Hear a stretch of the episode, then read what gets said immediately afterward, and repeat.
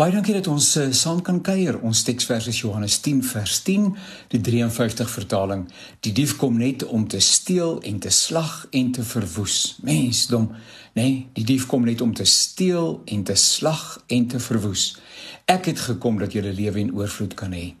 Ek wonder hoeveel lesers en luisteraars is bekend met die begrip herlewing. Dit word binne verskeie kontekste gebruik en het daarmee te doen dat dit wat leweloos en onproduktief geword het weer tot sy eertydse glorie en bedoeling herstel word. Daar het oor 'n bepaalde tyd stagnasie ingetree en die saak se belangrikheid het op die agtergrond geraak. Die effek van hierdie agteruitgang word egter gevoel. As niks gemis word nie, moet dit wees omdat iets in die plek daarvan gekom het wat net so effektief of selfs beter is. Maar dit kan ook wees dat die agteruitgang van so 'n aard is dat belanghebbendes heeltemal tred verloor het met wat regtig van waarde is. Wanneer ons ons binne kerklike en geestelike konteks oor en van herlewing praat, word verwys na 'n gestadigde agteruitgang in gelowiges se toewyding en liefde vir God. Ander goed het die plek van die prominensie wat hy moet beklee en natuurlik in ons lewens verdring. God dring hom nie aan mense op nie. As dit die keuse is wat mense uitoefen, laat die Here hulle begaan. Die lewe sonder God se nabyheid voorspel egter niks goed nie.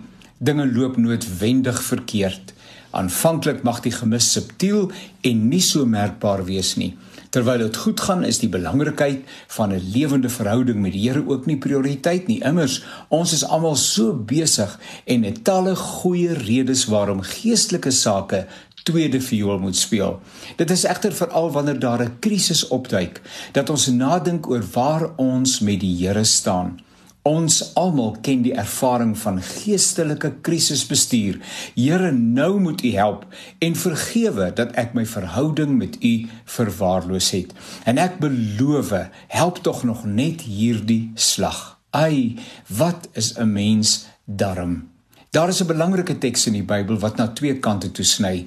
Dit lui vry vertaal: Dit wat ek in jou begin het, in die Here is aan die woord, gaan ek klaarmaak, maak nie saak wat nie. Daarom gebeur dit dat die Here ons aandag trek en moed trek deur harde bene te kou. So 'n val en opstaan lewe is egter nie God se bedoeling met ons nie. Veel eerder wil hy dat ons daagliks in afhanklikheid, dankbaarheid en toewyding sal lewe.